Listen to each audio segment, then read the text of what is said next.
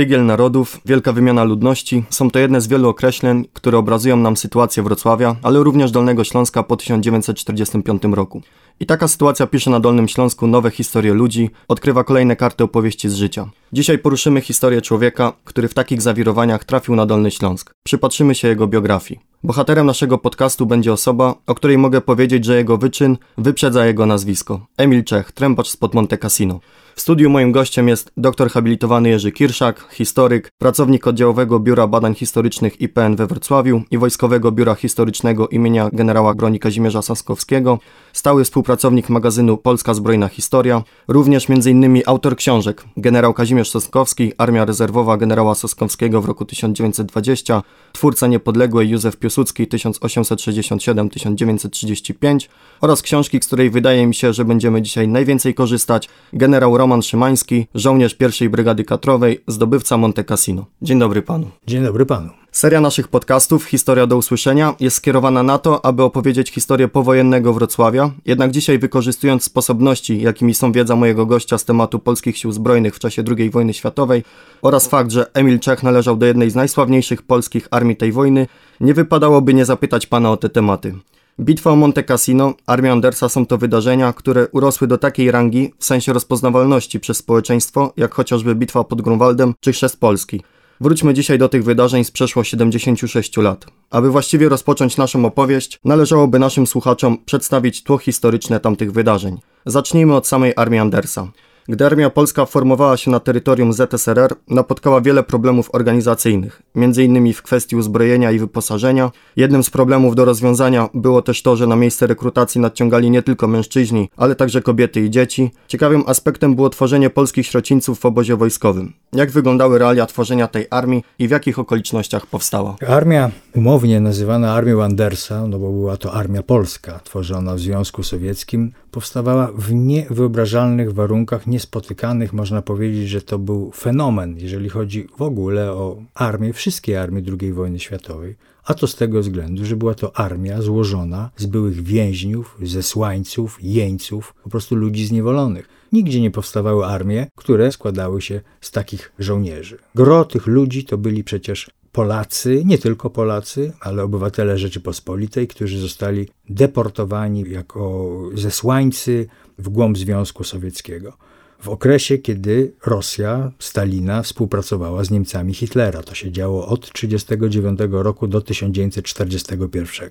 W momencie, gdy dotychczasowi sojusznicy skoczyli sobie do gardeł i wybuchła wojna sowiecko-niemiecka, Okazało się, że są Polacy rozproszeni po całym ogromnym terytorium sowieckim. W Londynie działa legalny polski rząd uznawany przez wszystkie państwa. No i, i, doszło do porozumienia między rządem polskim, reprezentowanym przez generała Władysława Sikorskiego, a Sowietami. W tym porozumieniu zawarto postulat tworzenia, wypuszczenia Polaków z łagrów, z więzień i sformowania z nich wojska. No i okazało się, że to było niezwykle trudne do zrealizowania, bo raz, że ogromne przestrzenie do pokonania, ludzie wycieńczeni kilkuletnią ponadludzką pracą, niedożywieniem, więc przyjeżdżały na te punkty zborne ludzkie widma często, w łachmanach, w jakichś takich zawszonych ubraniach, ale wszyscy się cieszyli, wszyscy pędzili pod e, polskie sztandary, więc jeżeli chodzi o warunki formowania, no to one były ekstremalnie trudne. Chciałbym pana zapytać również o to, dlaczego wybór padł właśnie na generała Andersa. W tym czasie nie było lepszych kandydatów, czy może inne czynniki o tym zadecydowały? Dlaczego właśnie Anders stanął na czele tej armii? Pojawia się taki przekaz, że pierwotnie naczelny wódz i premier Polski w Londynie, generał Sikorski,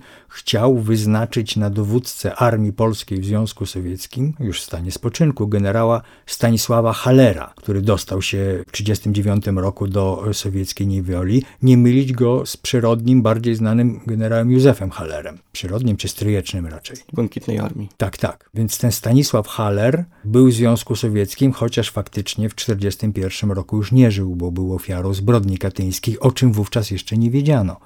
Skoro nie było Halera, no to to jest pod ręką. I okazało się, że w więzieniu moskiewskim na Łubiance właśnie przebywał bardzo dzielny generał kawalerii generał Władysław Anders. Dobry dowódca, stąd wybór padł na niego. Wydaje się, że to było dziełem przypadku, po prostu był pod ręką. W przypadku Emila Czecha, który należał do samodzielnej brygady strzelców karpackich, możemy porównać tworzenie tych armii i jak wcześniej był układ sikorski i majski, teraz możemy powiedzieć o układzie sikorski oraz generał francuski Maurice Gamelon, którzy długo przed Andersem, bo jeszcze w grudniu 1939 roku decydują się na utworzenie polskiej brygady zebranej z żołnierzy, którzy przebywali w obozach dla internowanych na Węgrzech i Rumunii. Ta brygada została utworzona przy francuskiej armii Lewantu, która stacjonowała na Bliskim Wschodzie. Samodzielna brygada strzelców karpackich dołączyła do armii Andersa już w trakcie szlaku bojowego. Właściwie skąd taka nazwa tej formacji samodzielnej brygady strzelców karpackich? Brygada strzelców karpackich powstała, tak jak pan mówi, najpierw decyzje były z końcem 1939 roku w Paryżu, a została utworzona wiosną 1940 roku w Syrii, w Bejrucie, w kolonii francuskiej przy armii Lewantu. Co ciekawe, to był okres, kiedy stosunki między Sowietami, które ściśle współpracowały z Niemcami w owym czasie, a aliantami zachodnimi były bardzo napięte. Zastanawiano się, czy ta brygada karpacka właśnie nie będzie brała udziału przy francuskiej armii na tym odcinku w wojnie z Sowietami, do której zakładano, że może dojść, zważywszy, że w tym samym czasie na północy Finlandii Rosja biła się z Finami, a na pomoc Finlandii miał wyruszyć aliancki korpus ekspedycyjny, w którego to składzie miała być z kolei polska brygada podhalańska, samodzielna brygada strzelców podhalańskich. Ona była formowana we Francji właśnie na potrzeby wojny z Sowietami w Finlandii, ale Finlandia wcześniej zawarła rozejm z Rosją, w związku z tym ta brygada ostatecznie wylądowała w Norwegii i pod Narwikiem, ale to jest jakby inna historia. Natomiast brygada karpacka, tworzona w Syrii pod dowództwem francuskim, była w zamyśle polskim tworzona dlatego, żeby bliższą mieli drogę do polskich oddziałów właśnie ci internowani, o których pan wspomniał na Węgrzech i w Rumunii. Bo do tej pory gro z nich jechało do odtwarzanego wojska we Francji, więc tutaj była jakby druga ścieżka ewakuacji i ta potrzeba stworzenia tej brygady. Skąd nazwa karpacka? No stąd, że też zakładano w naszym dowództwie, że jeśli nie z Rosją, to pójdzie do kraju najbliższą drogą przez Karpaty, więc nazwa stąd wynikała i rzeczywiście była to jednostka jedyna w swoim rodzaju, można powiedzieć w historii naszego oręża dwie takie były brygady. Pierwsza brygada jeszcze legionów Józefa Piłsudskiego i właśnie brygada strzelców karpackich, Mówię o tym fenomenie takim, mianowicie, że były to jednostki złożone wyłącznie z ochotników. Tam szli żołnierze, którzy szli na ochotnika i o bardzo wysokim cenzusie wykształcenia własnego, cywilnego. Także tak jak w pierwszej brygadzie było mnóstwo ludzi po maturze i ze studiami, tak samo było w brygadzie karpackiej. Czy brygada strzelców karpackich przy francuskiej armii Lewantu miała już jakieś epizody wojenne, czy tak jak pan wspomniał, ona była po prostu w przygotowaniu do ewentualnej walki z Sowietami? No nie, ona się dopiero formowała. Wiosna, kwiecień, w kwietniu 40 roku z Francji pojechał taki zespół, szkielet dowódczy właśnie z pułkownikiem, później już generałem awansowanym do stopnia generalskiego Stanisławem Kopańskim, wyznaczonym na dowódcę tej brygady i około 30 oficerów, którzy byli tą kadrą i dopiero do reszty doszusowywali oficerowie, żołnierze z obozów internowania. Także oni nie zdążyli wziąć udziału w wojnie, bo Francja w czerwcu 40 roku skapitulowała przed Niemcami. Pojawił się problem, co zrobić z tą brygadą. Francuzi by ją chętnie rozbroili, bo Francja marszałka Petain zawarła z Niemcami przecież rozejm. Natomiast Polacy stwierdzili, że skoro już brygada jest, nie można jej rozpuścić i że przejdą pod dowództwo brytyjskie i cała brygada uzbrojona przeszła z Syrii do nieodległej Palestyny, zasilając wojska brytyjskie. Dla Brytyjczyków to było po prostu no, niebywały, można powiedzieć, prezent, bo przychodzi gotowa jednostka z dobrych żołnierzy, tylko trzeba było ich przezbroić na broń brytyjską, no i rok później wzięli udział w słynnej obronie twierdzy tobruckiej, zapisując chwalebne karty i otrzymując każdy żołnierz zaszczytne miano Szczura Tobruku. Między innymi właśnie Emil Czech. No jak już pan wspomniał właśnie o sławnych bitwach, to przejdźmy do momentu kulminacyjnego naszej rozmowy, czyli bitwie o Monte Cassino. I nim zaczniemy opowieść o naszym bohaterze, chciałbym zapytać o samą bitwę. Bardzo popularne, a nawet można powiedzieć lansowane było mówienie o polskiej bitwie pod Monte Cassino, o heroiczności polskich żołnierzy, o zdobyciu wzgórza 593, które bez udziału i tego wyczynu Polaków byłoby dotknięte większymi stratami oraz skutkowałoby przedłużeniem kampanii włoskiej. Posłuchajmy teraz słów generała Andersa, który wspomina bitwę 15 lat po tych wydarzeniach. Monte Cassino urosło do słowa symbolu na świecie. Jest tak zawsze, że jest kilka bitew w wojnie, które każdy naród zna i pamięta. A tutaj chwaliły się kontyngenty najlepszych wojsk, jakie były na świecie.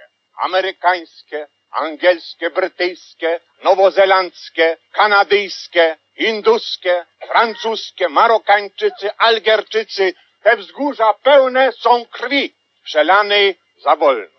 Jak usłyszeliśmy, Anders mówił o tym, że Monte Cassino urosło do symbolu na świecie oraz że ta bitwa została zapamiętana przez wszystkie narody. W trakcie przemówienia, już przed samą bitwą do żołnierzy, użył takich słów. Zadanie, jakie nam przypadło, rozsławi imię żołnierza polskiego na całym świecie. A jednak ostatnimi czasy spotykam się z opiniami, które podważają znaczenie udziału Polaków, ale też samej bitwy o Monte Cassino. Spotkałem opinię o tym, że żołnierz polski był wykorzystywany do najcięższych zadań, traktowany jako przysłowiowy chłopiec na posyłki, czy rzeczywiście zdobycie Monte Cassino było czynem, którego nikt wtedy nie mógł dokonać, czy może po prostu nie liczono się ze stratami polskiego żołnierza i właśnie dlatego powierzono nam to zadanie? Może jest to zwykła tendencyjna opinia, która nie ma poparcia w prawdziwych wydarzeniach. To jest dosyć złożony temat udziału naszych żołnierzy w bitwie pod Monte Cassino. Oczywiście kwestia ich heroicznej postawy nie podlega żadnej dyskusji to, co Polacy tam dokonali, to szapoba, ale mówi pan o tym, że byliśmy wykorzystani. To nie jest tak. Ten odcinek ataku na, na najtwardszy, naj, najcięższy punkt linii Gustawa,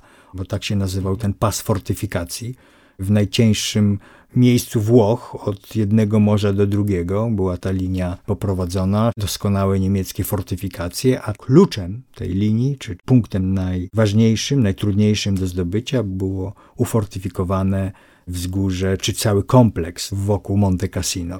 Ale tu nie można mówić o wykorzystaniu nas przez Anglików, no bo to Anglicy dowodzili, bo jeszcze półtora miesiąca przed samą bitwą dowodzący ósmą armią brytyjską, generał Oliver Lees, zaproponował generałowi Andersowi wykonanie tego zadania, więc to nie było tak, że on mu rozkazał, tylko zaproponował i powiedział, jeżeli się nie zgodzicie, to ja przydzielę to zadanie innemu korpusowi ze swojej armii, więc tak nie było.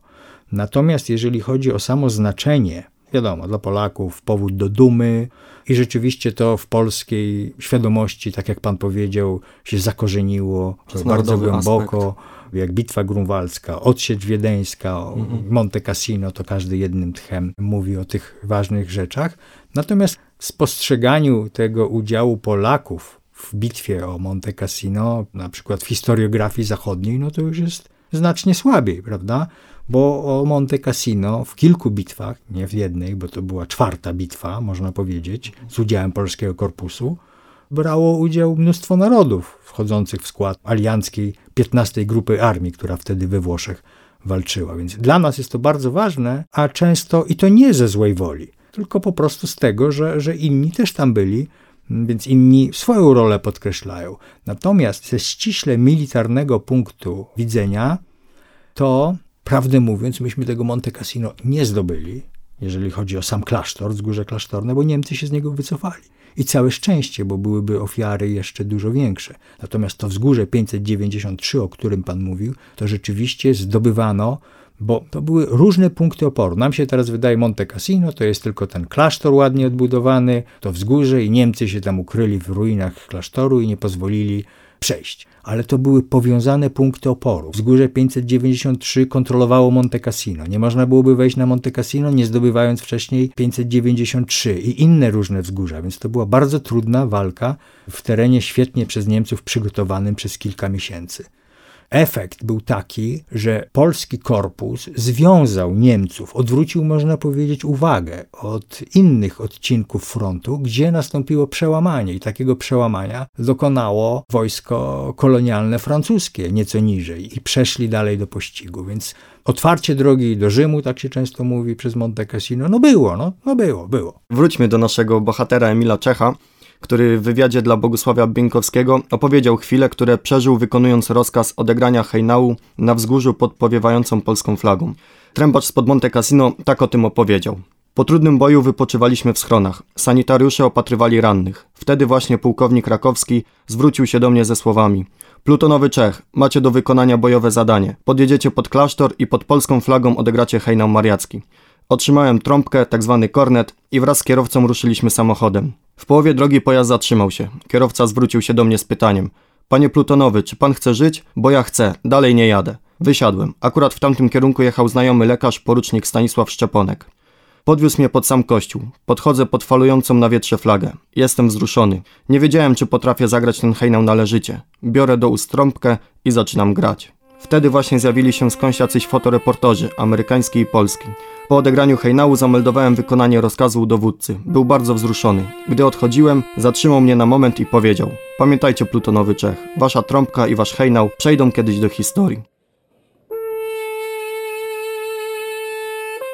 Opowieść o takich wydarzeniach może po latach być przedstawiona z namaszczeniem emocjonalnym. Zdarza się, że wpływa na to rzeczywisty obraz relacjonowanej historii. A jak pan ocenia ten cytat w tym przypadku? Czy wydaje się być on realistyczny, czy opis sytuacji jest pewną kreacją, która powstała po latach u świadka historii? Wydaje mi się, że jest bardzo realistyczny, że tu nie ma jakiegoś przekoloryzowania. Tak było. Zresztą to zdjęcie, o którym Czech mówi, ono wszędzie jest. Samo to zdjęcie wzrusza, jak się na nie patrzy. Wyprostowany jak struna saper bo on był saperem Czech, stoi z trąbką i trąbi. To jest symbol, tak jak właśnie ci pierwsi żołnierze, którzy dotarli do klasztoru. Czech mówi o powiewającej fladze, ale kilka godzin wcześniej wszedł tam patrol ułanów podolskich, którzy nie mieli żadnego jakby znaku ze sobą takiego bo celem było wywiesić na najwyższym punkcie ruin polską flagę, ale okazało się, że w danym momencie nikt nie, nie ma tej flagi blisko. Tę flagę trzeba było gdzieś ściągnąć ze sztabów a ułani podolscy mieli ze sobą proporczyk swój ułański. Oni zatknęli ten proporczyk jako symbol zwycięstwa i zajęcia tego wzgórza, o które przez prawie pół roku odbijały się ataki wszystkich walczących i Francuzów, i Amerykanów, Anglików, Hindusów, Nowozelandczyków wcześniej, więc nie widzę w tym opisie jakiejś konfabulacji. Rok po wspominanych przez nas wydarzeniach wojna dobiegła końca. Dla Emila Czecha, który przebywając w Wielkiej Brytanii dowiedział się, że jego żona przeżyła wojnę i jest w Polsce, Wojna tułaczka zakończyła się dla niego osiedleniem i zamieszkaniem w Kłodzku, na Dolnym Śląsku, można powiedzieć na naszym podwórku. Tam zmarł w 1978 roku, a jego grób można odwiedzić na cmentarzu komunalnym w Kocku. Z historii jednak wiemy, że nie wszyscy żołnierze drugiego korpusu decydowali się na powrót do kraju, który przejawiał wtedy nową, nieprzyjazną dla nich komunistyczną rzeczywistość. Nagłówki artykułów z Gazety Rzeczpospolitej w 1946 roku mówiły o faszystowskich i hitlerowskich korzeniach i działaniach Andersa oraz jego żołnierzy. Wyliczano ilu z nich było Volksdeutschami, jak plasowała się powojenna rzeczywistość drugiego korpusu? W tych artykułach można było wyczytać, że stacjonowanie armii Andersa było problemem dla Włoch, a później Wielkiej Brytanii. Pisano też o tym, że żołnierze, którzy chcieli wrócić do Polski, puszczano bez butów, w starych łachmanach. Jakie perspektywy mieli żołnierze Andersa i co się z nimi działo tuż po wojnie? Może też pan e, zna jakieś inne historie żołnierzy spod Monte Cassino, którzy po wojnie osiedlili się na Dolnym Śląsku. To od razu będzie mieć nawiązanie do naszego Emila Czecha. Takich historii, ludzkich historii, to muszę powiedzieć, znam bez liku, bo się interesuję właśnie tymi konkretnymi przypadkami ludzi, więc tutaj nie mamy czasu na przedstawianie. Może za chwilę powiem o jednym żołnierzu, oficerze, który zresztą bardzo blisko osiedlił się Emila Czecha, bo też na Dolnym Śląsku, nie w Kłodzku, w powiecie kłodzkim, w Nowej Rudzie, mam na myśli podpułkownika Józefa Sokola, także weterana walk w Afryce, w Tobruku, później pod Monte Cassino bodaj najstarszy stopniem oficer drugiego korpusu, który tutaj na tych ziemiach się znalazł, z tego co się orientuje. Natomiast jeżeli popatrzymy na zbiorowość drugiego korpusu, który do 46 roku do lata przebywał we Włoszech, ten korpus jak magnes przyciągał różnych ludzi z całej Europy, którzy nie chcieli wracać do Polski rządzonej przez komunistów i byłych jeńców, ludzi, którzy byli więźniami niemieckimi, więc Anders stworzył przecież przy korpusie i szkoły, więc młodzież tam się odnajdywała. W 1946 roku ten korpus został przewieziony do Anglii i niecały rok później wojsko zostało zdemobilizowane. I co robić? Wojna już się skończyła, trzeba gdzieś się osiedlić. Do Polski decydują się wracać ci, którzy tak jak Emil Czech mieli rodziny. Okazało się, że rodziny przeżyły gehennę II wojny i gdzieś się znajdują. Ci z Kresów często wylądowali właśnie na Dolnym Śląsku, Wrocławiu i okolicach. No więc żołnierze z zachodu wracali pełni obaw. Później okazało się, że słusznych, no ale wracali do rodzin. Natomiast inni rozproszyli się, można powiedzieć, po całym świecie. Najbardziej egzotyczna jest taka grupa żołnierzy i to kolegów, bliskich kolegów Emila Czecha z Brygady Karpackiej, którzy należeli do stowarzyszenia australijskiego Rats of Tobruk, tych szczurów Tobruku, i Australijczycy zezwolili pokaźnej grupie kilkuset polskich weteranów Karpackiej Brygady na przyjazd do australijskiej Tasmanii, gdzie pracowali, mieli kontrakty zawarte dwuletnie przy budowie hydroelektrowni w środku wyspy i później mieli prawo osiedlenia się i pozostania w Australii. Więc tak nawet egzotyczne i dalekie kierunki. Trochę wylądowało w obu Amerykach. Najwięcej zostało w Wielkiej Brytanii, ale też mnóstwo wróciło do Polski, powodowanych właśnie tym, o czym mówiłem, czyli troską o rodziny, o najbliższych. A los w Polsce komunistycznej dla nich nigdy nie był łaskawy. W najlepszym wypadku zawsze byli traktowani jako ci podejrzani drugiej kategorii, żołnierze Andersa to już była łatka, która utrudniała funkcjonowanie. Z tego co wiem, sam Emil Czech był zapraszany do różnych szkół, żeby opowiedzieć o... Ale to już później. Tak, to już później, później. to już... Yy, znaczy to były tam lata bodajże 50 60 ale... To w 50 to jeszcze nikt go nie zapraszał. W 50 nikt nie chciał z Andersowcem rozmawiać. Dopiero później zaczęto jakoś troszeczkę inaczej do tego podchodzić. Sam w tym wywiadzie stwierdził, że bał się nawet uczestniczyć w takich wydarzeniach, czy przyjmować takie zaproszenia, no bo wiadomo jak właśnie wtedy wyglądał realia tamtych czasów.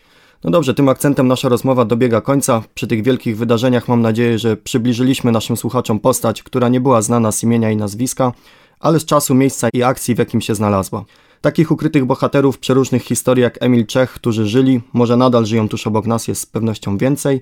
I oczywiście zachęcamy do poszukiwania i poznawania historii zwykłych, ale jak się okazuje niezwykłych ludzi. Może kiedyś uda nam się ponownie spotkać na antenie w tak zacnym gronie i na przykład opowiedzieć kolejną podobną historię Jana Liwacza, kowala, który po wojnie osiadł w Bystrzycy Kłodzkiej, a jest człowiekiem, który wykonał najsławniejszy symbol niemieckiego terroru w trakcie II wojny światowej, napis w obozie Auschwitz Arbeit macht frei.